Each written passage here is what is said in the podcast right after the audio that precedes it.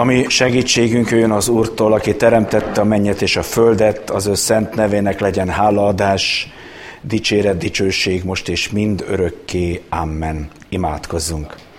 Úr Jézus, köszönjük neked ezt a reformációi sorozatot, ezt a lelket üdítő, erősítő, roboráló kúrát, amin akik bölcsek voltunk és tehettük, esténként részt vettünk és részt veszünk, mert egy igazi sorozat, egy igazi kúra attól erősít, hogy rendszeresség van benne. Köszönjük neked, hogy te rendszeresen nyitottad előttünk a Bibliát, és így köszönjük ezt a napot, a te halálod napját, a te keresztre feszítésed napját. Amen. Szeretett testvérek, reformáció napja van, és reformáció azt is elhozta, hogy közkincs legyen a Biblia. A reformáció azt is hozta, hogy közkincs legyen az ének, ne csak a profik énekeljenek a kóruson, hanem legyenek korálok. Kicsit értelemzavaró, mert a kóruson énekelteket lehozták a népénekekké. Luther Márton maga is a mi énekeskönyvünkben azt hiszem, hogy 20 körül van az énekeknek a száma, amit ő írt, vagy legalább a dalamát, de főleg a szövegét. Ma is énekeltük a mi híres himnuszunkat, és köszönöm az evangélikusoknak, hogy a, ülve maradtak a helyünkön, mert most nem himnuszként énekeltük a, az erős váram Istenünket, hanem énekként, mert közének.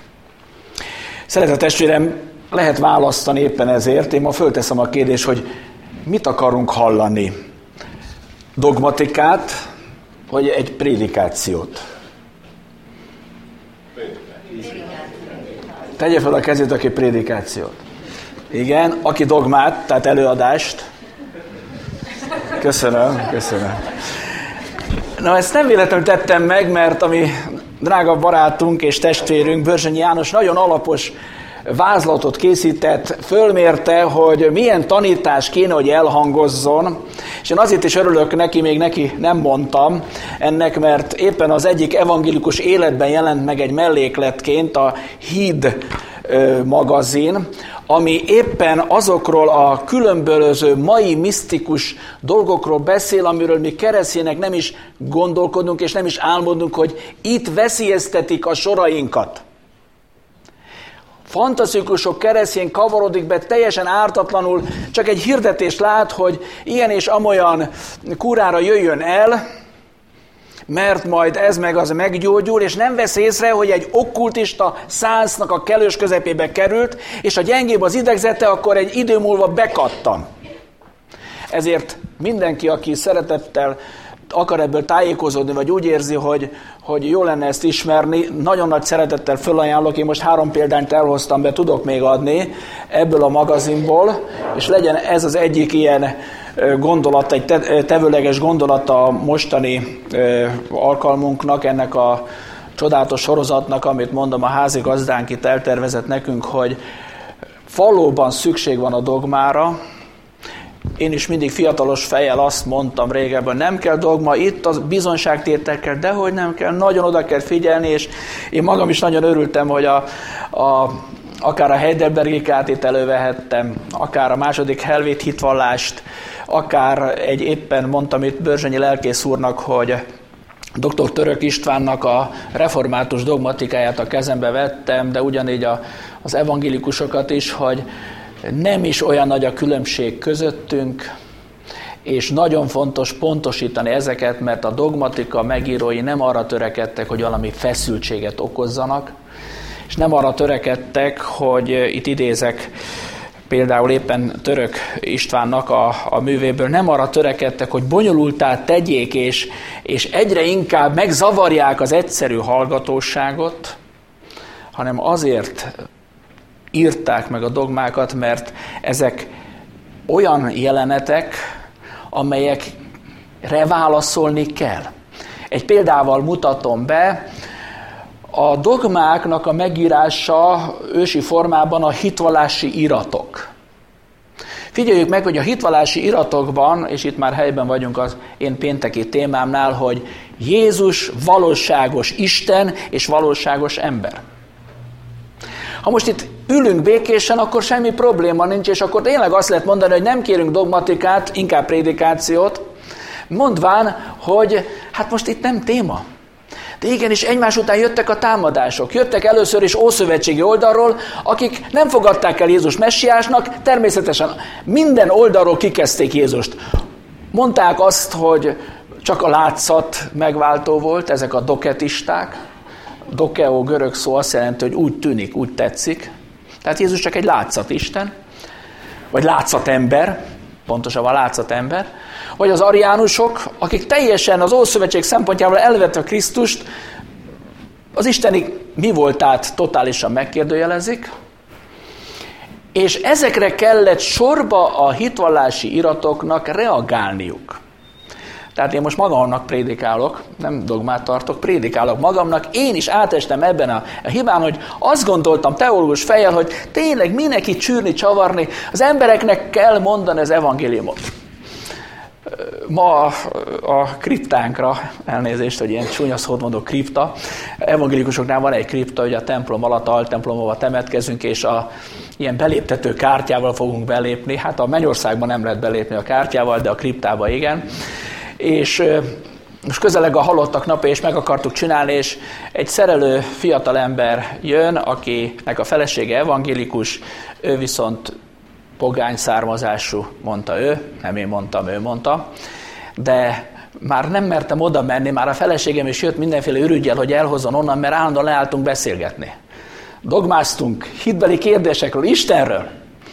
És mondtam neki többször, hű, nekem ezt és ezt kell csinálnom, és aztán kezdtünk így filozófálni, és ő is tele van gondolatokkal, mondja és mondja a filozófiai gondolatait Istenről, hogy ő hogy látja, hogy nem látja.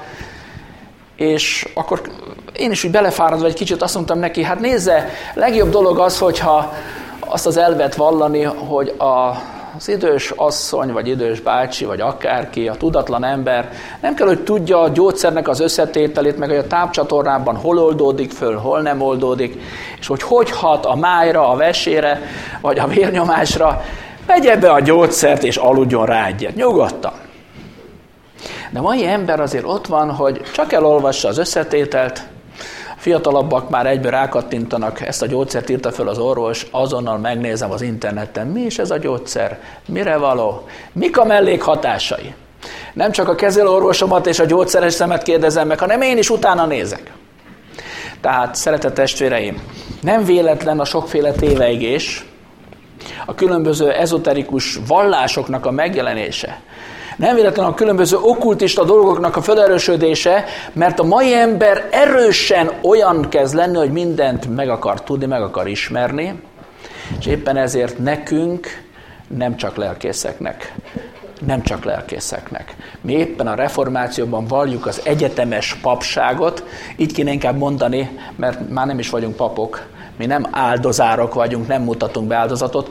Az egyetemes lelkészség elvén te keresztény vagy, református vagy, baptista vagy, vagy evangélikus vagy, neked kötelessége tisztában lenni a dolgokkal, és mondani, és hirdetni. De mégis prédikálni fogok, de ezeket is engedelmeskedek a választásnak. Egyébként jól választottam, mert a prédikáció az ennyi, a dogma az meg ennyi de azért ebből is, ebből is fogok venni magamnak, mert azon gondolkodtam ma, szeretett testvéreim, és föl is olvasom az alapigét, amit erre a mai alkalomra hát választottam, hogy a legfontosabb ugye az számunkra a sorozat mai részében, hogy Jézus Krisztus valóságos Isten és valóságos ember. És Többet is felolvashatnék, én egyet választottam, illetve kettőt, de egy szerzőtől Jánostól. A János evangéliumának az első versét, kezdetben volt az ige, és az ige az Istennél volt, és az Isten volt az ige. Szép lassan felolvasom még egyszer. Kezdetben volt az ige, nagy ével szedik, és az ige az Istennél volt, és az Isten volt az ige fantasztikus, tömény dogma. János egyébként dogmatikázik a Bibliában. A többiek leírják az élményüket, az eseményeket, Máté, Márk, Lukács. János a dogmatikus. De de jó dogmatikája van, mert ő a szeretet apostola. Itt egyensúlyozódik ki. És ugyanő mondja a jelenések könyvébe is, annak okáért imádják őt a földnek minden lakosai, akiknek neve nincs beírva az életnek könyvébe, amely a bárányé, aki megöletett a világ alapítása óta. Nagyon önkényes kiragadás a részemről, hogy csak ezeket olvastam föl a drága igék közül, amelyek itt előfordulnak. De el kell, hogy mondjam, hogy egy kicsit valóban mindig eh, eh, viszonyog az ember a sokféle tanítástól, a részletektől. Napokban volt a protestáns, pontosabban az északi evangélikus egyházkerület palotájánál, illetve püspöki hivatalánál egy sajtókonferencia. Itt bemutatták az evangélikus egyház legújabb honlapját megújult ez a honlap, külön nagy energiát fordítanak rá, fölismerték azt, és úgy tudom a református portált is szoktam nézegetni, a parókiát, ami szintén református eredetű, szenzációs lehetőségek testvérek. Egyébként a, a második helvét hitvalást is az internetről töltöttem le, nincs meg a könyvtáramban, jól tudom, de a török féle dogmatika az megvan a könyvtáramban, nyomtatott formában is.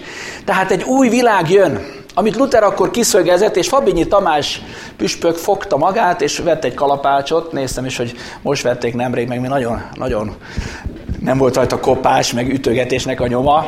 Hát mondom, hát a püspök hivatalú játszik, rááldozott egy kalapácsra, és kiszegezték ott a Szilágyi Erzsébet fasor 24 számnak az ajtára, kiszegezték jelképesen Luther Márton 95 tételét, ami most már megjelent magyar kiadásban és egy ilyen szép nyomtatásban. De én megmondom őszintén testvérek, hogy azért elég fárasztó elolvasni ezt a 95 tételt, és talán ha impulzus néznénk, akkor nekem egy dolog, ami nagyon megragadó volt, hogy akik az Istent akarják, szeretik, Isten útján akarnak járni, szükséges, hogy mindig megtérésben legyenek. Talán ez a legfontosabb mondata az egésznek, ami ma is hat rám, de milyen áldott, ami Úr Jézusunk. Amikor arról beszélünk, hogy ő valóságos Isten és valóságos ember, akkor elővehetném, mondom itt a dogmatikákat, és beszélhetnénk róla, azért érdemes, nagyon érdekes, párat azért idézek is, hogy Krisztus nem csak akkor Isten fia, például mondja a török Istenféle dogmatika, azt mondja, az örökkévaló fiú, az első tantétel, amit megfogalmaz, azt mondja, Krisztus már a kiengesztelést megelőzően is a kijelentés nélkül magában véve is Isten fia. Tehát amikor belebonyolódunk a dolgokba, és azt mondjuk, hogy Krisztus a megváltó, az Isten fogta magát, és lejött ide közénk, emberré lett, erre emberi formában nem tud másképp fogalmazni az ember, mint azt mondja, hogy az az Istentől született. Vigyázat, nem teremtette, mert akkor kisebb rendű lenne, hanem tőle született. Tehát ő egy lényeg, ő, ő ugyanaz az Isten, sőt azt is mondhatjuk, mivel az Isten végtelenségben van, hogy itt nincs is értelme arról beszélni, hogy Atya, Fiú, Szentlélek, ez egy-egyből.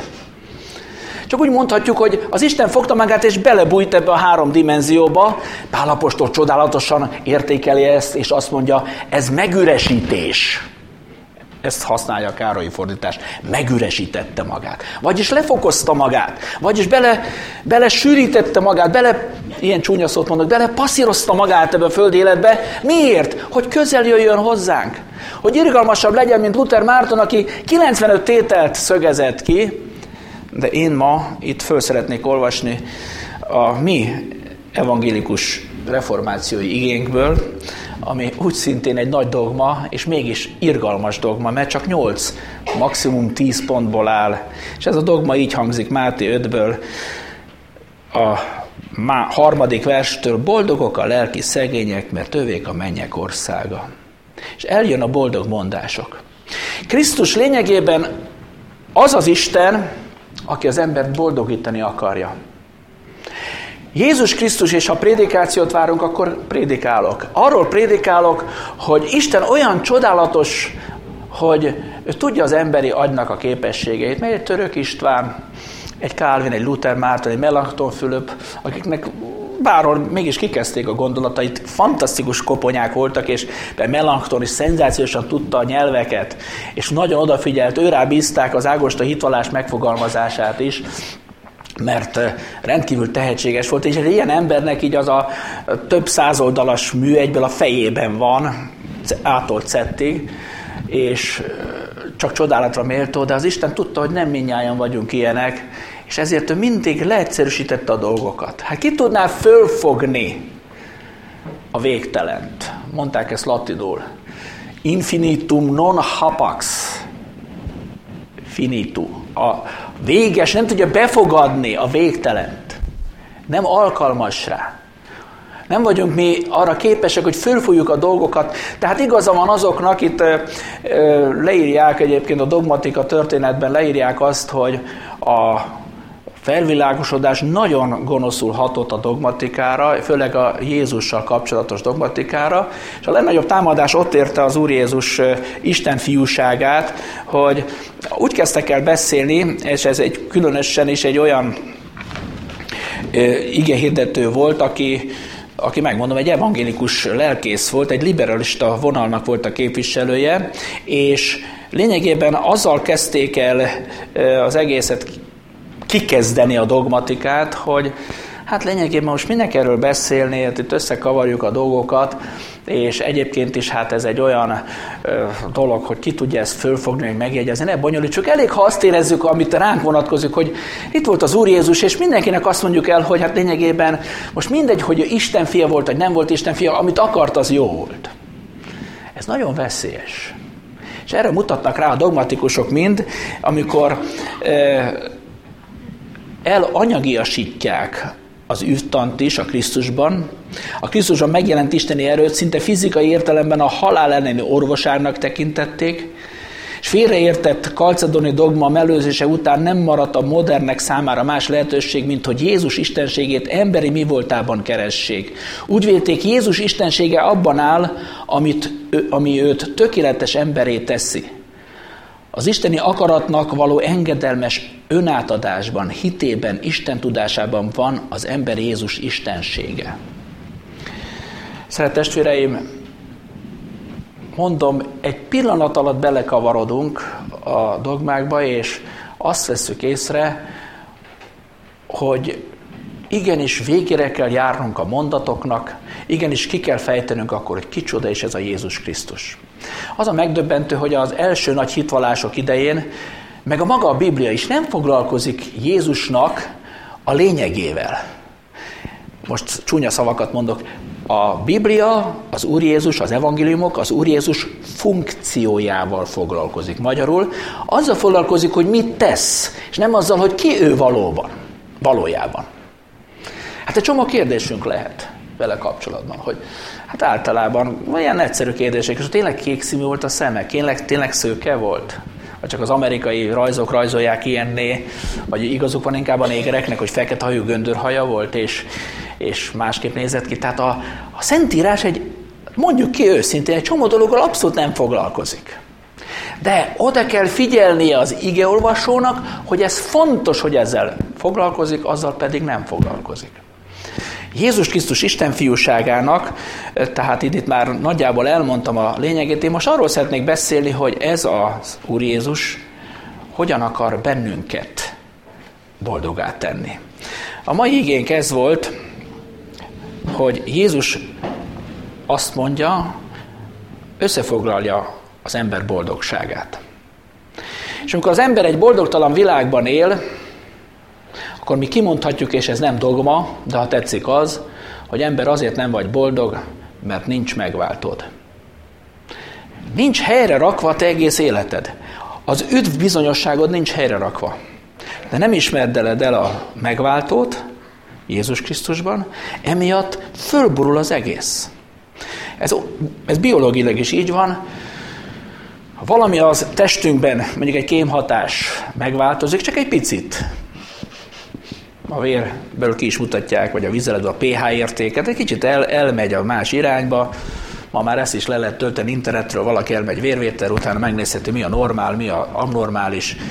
Ha egy kicsit eltér, egy csillaggal jelzi, két csillaggal, három csillaggal, és az orvos dönti el, hogy hoppá, ez már a veszélyességet túlépi. Már abnormális, de még nem veszélyes, most már viszont veszélyes. Ugyanígy vagyunk a lelki életben is. Itt az a probléma, hogy hosszú a lappangási idő. A lelki betegségnek a lappangási ideje nagyon hosszú. Mit nevezünk lappangási időnek? Azt, amíg az, a betegség nem tör ki rajtunk, de már ott munkálkodik.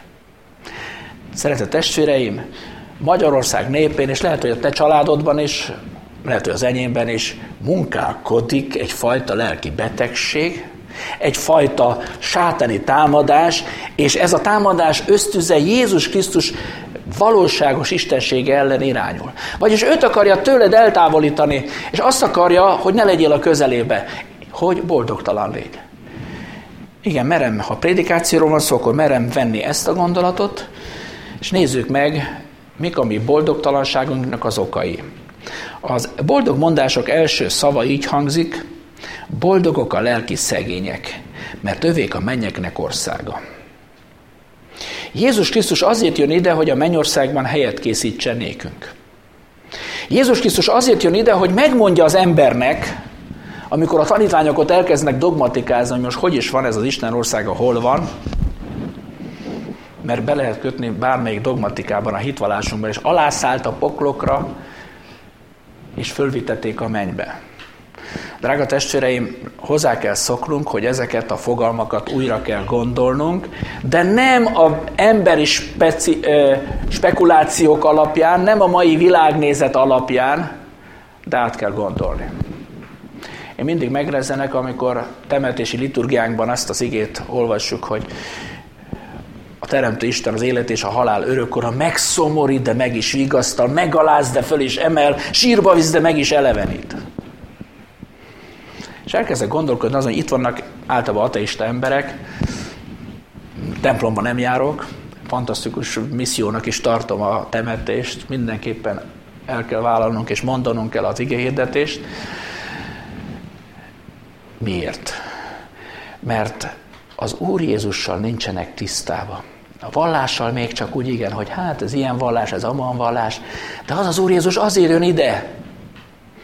És sokszor használom temetésen ezt a kifejezést, hogy köszönöm, hogy meghívták ide a gyászolók a gyászjelentéssel az Úr Jézust. Igen, mert meghívták az igét. És ő jóról prédikál. És ő az egyedüli megoldás, itt a temetésen, a feltámadás kérdése. Ha boldogtalan vagy, az a baj, hogy valami mással van tele az életed, a gondolatod, és így értem a lelki szegénységet is. Szegényítsd meg magad. Kapcsolj ki mindent. Neked egy lelki kúrára van szükséged. Hagyd ott a gazdagságodat. Legyél lelki szegény, lelki értelembe vett szegény, Menj el zajszegény helyre, menj el világzaja szegény helyre, kapcsolt ki magad, és hagyd abba, amit a média mond neked. Tudom, hogy ezek közhelyek, de erről van szó. Ezért iratott meg. Boldog akarsz lenni? Kapcsolt ki, ami téged itt gazdagá tesz. Amit gazdagítja az élményeidet. Hogy a gyerekekkel már nem lehet foglalkozni, és a hiperaktivitás az nem egyszerűen egy rendhagyó valami, hanem betegség már pedagógusok százai és ezrei szenvednek a hiperaktív gyerekektől. Miért? Mert annyi gazdagság veszi őket körül, információ gazdagság. Boldogok a lelki szegények. Miért nem vagyok boldog? Mert én nem tudtam odaszegődni amellé, aki igazán meggazdagít. Aki maga szegényé lett, aki maga megüresítette magát, mert így volt valóságos Isten és valóságos ember. A második. Boldogok, akik sírnak. Szeretett testvéreim, az igazi dogmatika az elvezet egész odáig, hogy elkezdünk sírni.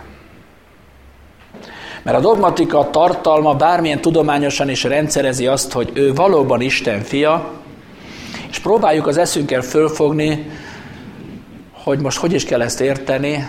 Vegyük úgy, állandóan gondoljunk arra egyébként, ez talán egy jó javaslat, legalábbis számomra jó volt mindig, hogy mind, attól sose szakadjunk el, hogy Jézus Krisztus és az Isten, Atya Isten ugyanaz, ő maga jelentít meg emberi formában, és a Szentélek munkájában is őt látjuk. Tehát ezt, ezt általában ezeket a számokat szinte hagyjuk el, az a Szent Háromság kifejezés egy szükséges rossz, arról szól, hogy három formában a megváltás három szakaszát ö, vehetjük tudomásul, vagy a teremtés és a megváltás három szakaszát, isteni viszonyulását. Kereshetjük rá szót. Nem ez a nagy kérdés. A nagy kérdés az, hogy meghat-e minket. Boldogok, akik sírnak. Én sokáig úgy értettem ezt az igét, hogy boldogok, mert meg fogják őket vigasztalni. Nem. Boldogok, akik mernek sírni. Boldogok, akik merik hagyni, hogy meghassa őket az ige. Így mondja a zsidókhoz itt levél, az Isten beszéde élő és ható. Amíg nem hat minket meg az ige, addig botorul viselkedni. Sokszor szoktam idézni az adós szolga történetét. Az adós szolgát azért nem hatotta meg az ura kegyelme, mert föl se fogta. Hogy nem kell visszadni. Én egyszer gyerekkoromban átéltem egy zsúfolt orvosi várótelembe egy olyan élményt, amit sose felejtek el, és csak később kattant be az igazi értelme. Egy bőszoknyás néni ö, valamilyen cukorbetegségre, nem tudom mivel, hát vizsgálhatták így, ahogy visszaemlékszem a dolgokra, én akkor még nem tudtam mi az, hogy cukorbeteg. Hát a vizelet vizsgálat, ugye, jó lett, negatív lett. És ott abban a zsúfolt teremben, a faluban nagy tartsán jött ki ez a bőszoknyás néni, és mondta hangos örömmel, szinte már botránkoztató volt, hogy doktor úr, hova kell ezt fölírni? Hogy hát neki jó a lelete. Testvéreim, nekünk el kell jutnunk arra, hogy halára ítéltek vagyunk, hogy meghasson minket az, hogy mi az, hogy azt mondják neked, szabad vagy. Mi a baj? Az a baj, a dogmánkból Benne van a dogmában, vegyük komolyan. Jézus Krisztus azért jött a világra, azért valóságos Isten, azért lett valóságos emberé, mert az ember bűnben van, elveszettek vagyunk. Boldogok, akik sírnak, akik rájönnek arra, hogy elveszettek. Ott lesz hatása ennek a dogmának, hogy mit jelent az, hogy az Isten fiúvá lett. És temetésen ezt próbálom hangsúlyozni amikor merem használni ezeket a kifejezéseket, hogy az Isten Jézus Krisztuson befekszik melléd az intenzív osztályra, befekszik a koporsóba, ki találta volna ezt ki? Melyik pogány filozófus, melyik vallás alapító? Egyik se. Ez nem emberi ötlet. Ez a minket meghatódásig, könnyekig meg kell, hogy hasson, hogy szeret minket az Isten. Harmadik, miért vagy boldogtalan? Miért vagyok boldogtalan? Boldogok a szelídek. Tudok szelíd lenni. Ó, a dogmák miatt hány ítélet született. Még a protestáns időkben is. Ott van szerencsétlen szervét Mihály ügye, de mondhatnánk mást is.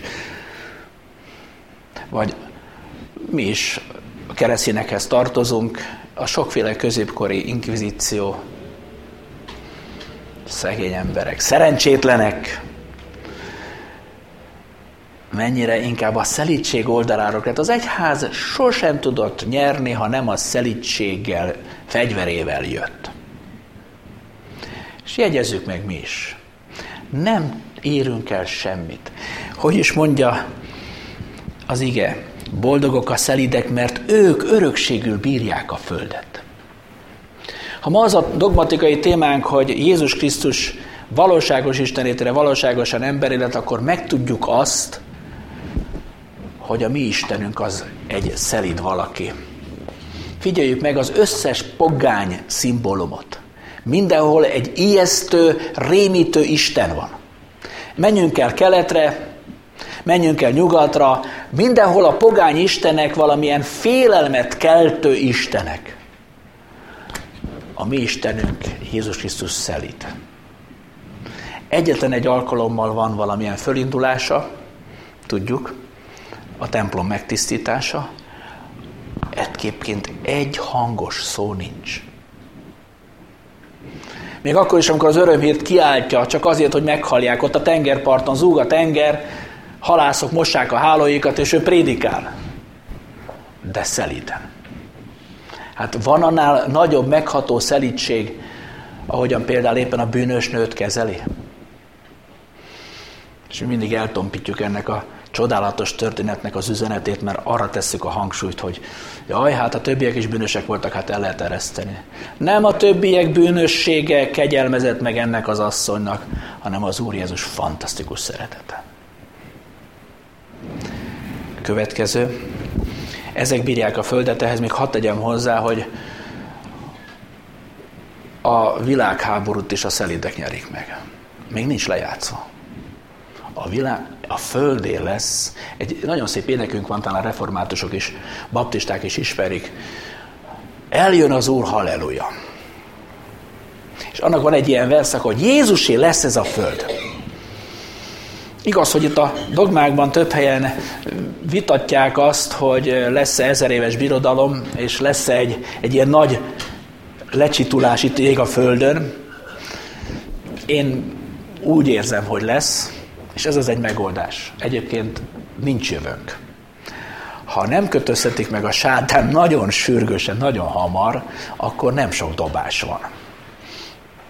De én, re, én hiszem, hogy megkötöztetik, és a szelídek veszik át a földet. Nem az agresszívek, nem a másokat kisemmizők. Nem közhelyeket mondok, mai valóságot. Nézzük meg tovább, mert hosszabb lesz, mint a dogmatika. Boldogok, akik éhezik és szomjú hozzák az igazságot.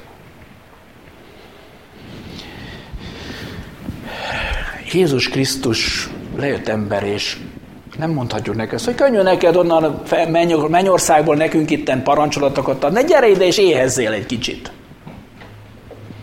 Nem véletlen, hogy Jézus Krisztus föllépése előtt a megkísértése az éhezéssel kapcsolatos. És jön a kísértés, hogy akkor hát tudsz kőből kenyeret csinálni, egyél. Engem nagyon tetszett itt éppen a, az előző napokban, hogy sátán nagyon jól tudja idézni a Bibliát. És a, a bibliai, bibliai kísértésre bibliai választ kell adni, hangoztatta valamelyik szolgatársam, most a hirtelen emlékszem, hogy ki. És Jézus a kereszten mit mond? A hét szava közül az egyik az, hogy szomjú hozom. Drága testvéreim, azért kicsit álljunk meg. Jézus Krisztus történetét vegyük úgy, mint egy egyszerű történet, de az a hét szót vegyük nagyon komolyan, az egy mindegyik egy prédikáció.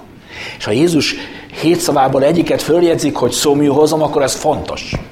És akkor abba belecseng a boldog mondásoknak ez a szava, hogy boldogok, akik éhezik, éheznek, és, vagy éhezik és szomjú hozzák az igazságot. Mit jelent az, miért vagyok boldog, ha én éhezek és szomjuhozok? Mert ezek, akik megelégítetnek, akik szomjózzák az igazságot, és hirtelen eszembe jut, ezt délután is elmondtam mi gyülekezetünkben, hogy hát elég sokat szenvedünk a hajléktalan missziók szolgálatától, de örömmel és lelkesedéssel csináljuk, és hát mindenkinek van ebben szerepe, vannak akik az Isten tiszteletre úgy készülnek fel, hogy ők fogják majd osztogatni a, a kis étel csomagokat a hajléktalanoknak az Isten tisztelet befejeztével. Ketten-hárman be is ülnek, van, aki rendszeresen vesz úrvacsorát közülük, és így ökumenikusan hatályoztassam a szomszéd felek, gyülekezeti testvéreket erről a munkánkról.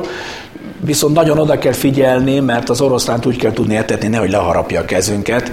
Tehát ez egy nagyon bonyolult és nagyon nagy fölkészültséget jelent magának a lelkész családnak, és akik ott laknak a templomnál, és éjjel-nappal bármikor becsöngethetnek, és akkor azt mondom, múltkor a Laci bácsi becsöngetett, de Laci bácsi, hát most volt vasárnap. Hát miért nem tetszik, akkor jönnek a többiek, és egy megfelelő mennyiségű csomagot kap. Hát miért tetszik most máskor jönni? De én most vagyok éhes. Most ne ítéljük meg az embert, ne gondolkozzunk, ne, ne induljon a fantáziánk, hogy hát a, miért pont most éhes, de hogy éhes, hát másra kell neki meg. Nem, nem szabad ebbe belemenni. Én nekem nem szabad belemenni. Én hallom, hogy most éhes, és eszembe jut a boldog mondások, akik éhezik és szomjózzák. Vagyis, arról van szó, drága testvérem, hogy neked nincs programod, te mindig hallgatod az igét, te ott vagy, mert éhezed és szomjóhozod. Neked nincs valami más, hogy most nem tudok menni templomba, meg a, a, az összejövetelre. Ugye ez mindig egy kicsit úgy érzi az ember, hogy valahogy nem tudunk rászenni egy hetet a kúrára, és ezért nem hat az injekciókúra, meg kihagytam a szerdát, meg a szombatot, vagy a hétfőt és a keddet. Hát az orvos azt mondja, hogy uram, hát hagyjuk abba az egészet, mert ilyen időnként beadott injekció, ez többet árt, mint használ, inkább el se kezdje. És testvéreim, többet árt, és nekünk, hogyha idei, nem tudunk egy sorozatot benne lenni, én ezt állítom. Én magamnak, mint lelkésznek.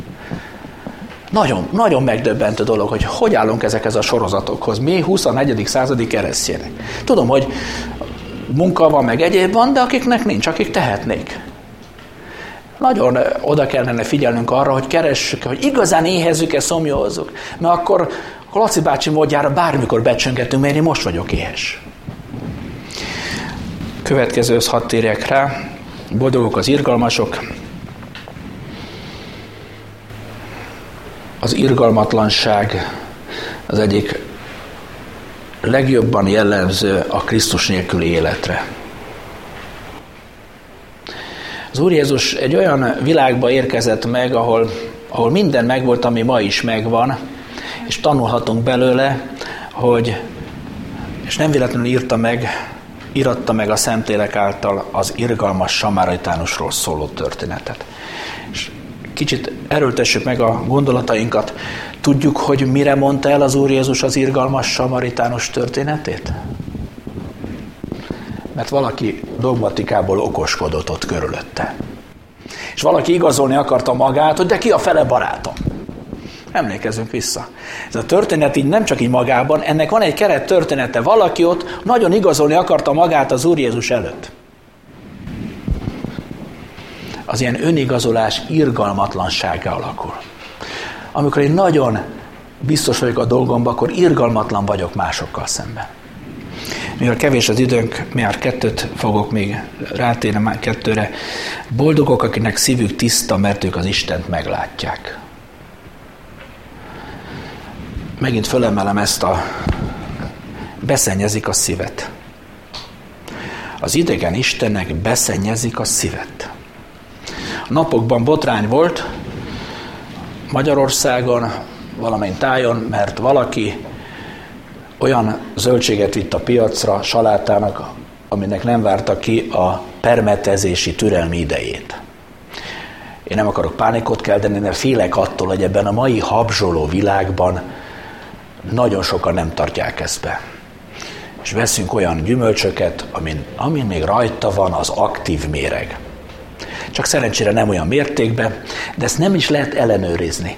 Itt az, meglódul az emberiség, és annyira kapzsi lesz habzsoló, még a saját családját is megmérgezi, mert ők is esznek az uborkából, ők is esznek a salátából, aminek még nem járt le a permetezési türelmi ideje, amíg az elbomlik. Ó, mennyit károsítjuk magunkat. És így fertőz meg minket ez a kapzsi világ is, amelyik az ideológiáját akarja ránk tukválni, és primőrként hozza az asztalra, gyere, egyél egy kis vitamint. Hagyd ott a régi hagyományt, az egyházat, a dogmát, meg a Bibliát, gyere, itt van az új vitamin. A primőr.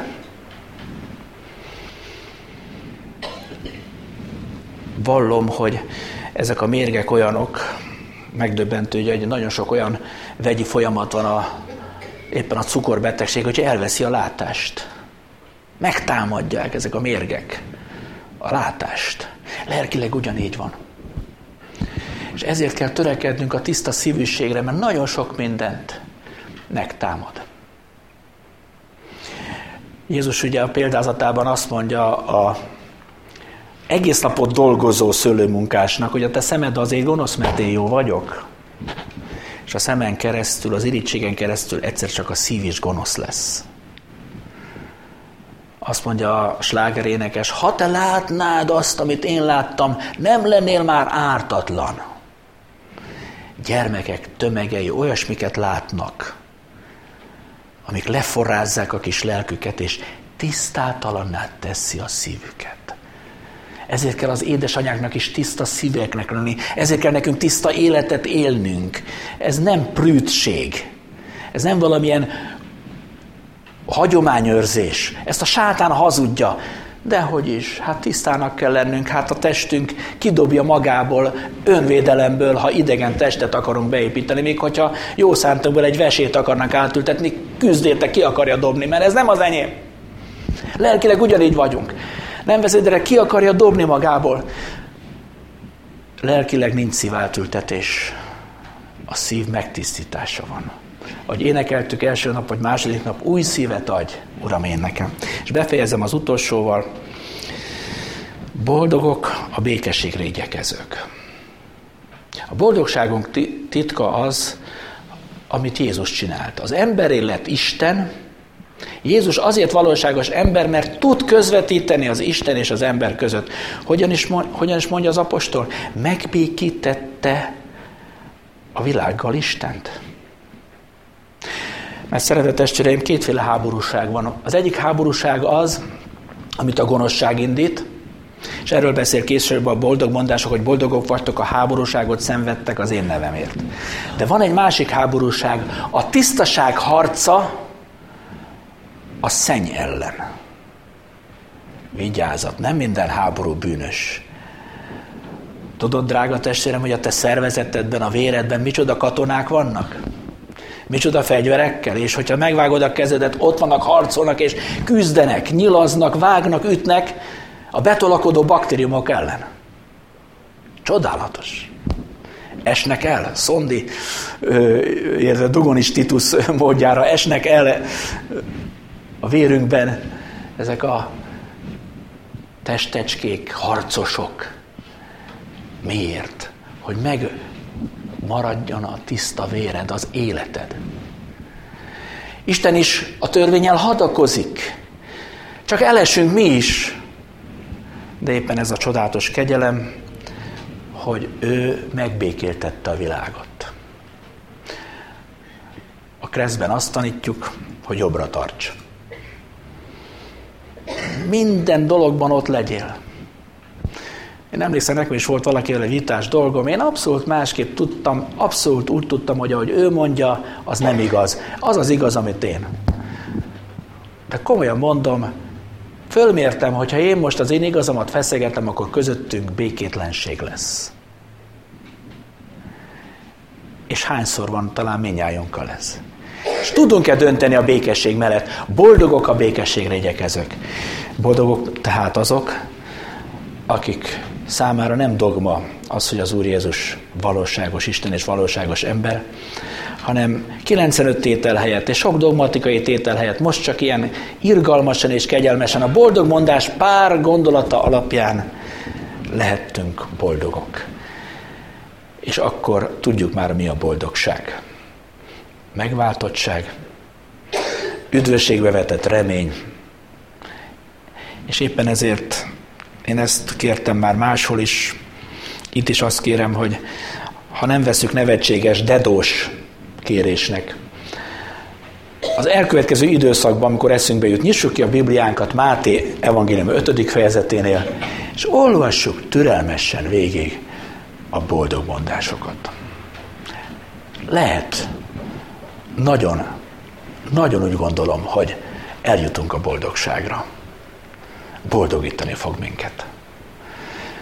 Mert nem dogma, hanem Isten szeretete, az, hogy Jézus valóságosan emberé lett. Imádkozzunk. Úr Jézus, köszönjük, hogy ebben a csodálatos sorozatban, mint lelkész testvérünknek adtál gondolatot, hogy erről ezen a héten beszélgessünk most a te halálod napján, pénteken este, a reformáció napján. Te egy egészen rövid kis tételsorozatot szögeztél, tűztél ki elénk. Úr Jézus, sokszor megérint bennünket ennek a boldog mondásnak a egy-egy tétele és kalapál a szívünk, a, a belső fölmelegedéstől. Én most arra kérlek téged, hogy szállj meg itt bennünket, és valóban légy számunkra most úgy ember, hogy emberi közelből érezhessünk téged, hogy ne csak az eszünk fedezze föl, nagy csodálkozva az összefüggéseket, hanem a szívünk. Éppen ezért adj nekünk ehhez tiszta szívet, és adj te benned való szegénységet, adj meghatódottságot és sírást, adj nekünk éppen ezért szelítséget, adj nekünk, Urunk, irgalmasságot, éjséget és szomjúságot igéd iránt, és add, hogy legyünk mi is tiszta szívek és békességre igyekezők, akik háborúságot szenvednek, hogy aztán lehessünk majd a folytatása Máté evangéliumának, hogy amikor már veled tisztában vagyunk valamelyest, és érezzük a te emberi közelségedet és isteni szentségedet, akkor lehessünk mi a föld sója és a világ világossága. Amen. Imádkozzuk el együtt az Úr Jézustól tanult imádságot. Mi atyánk, aki a mennyekben vagy, szenteltessék meg a te neved, jöjjön el a te országod, legyen meg a te akaratod, amint a mennyben, úgy a földön is. Minden napi kenyerünket add meg nékünk ma, és bocsásd meg védkeinket, miképpen mi is megbocsátunk az ellenünk védkezőknek. És ne vigy minket kísértésbe, de szabadíts meg a gonosztól, mert Téd az ország, a hatalom és a dicsőség mind örökké. Amen.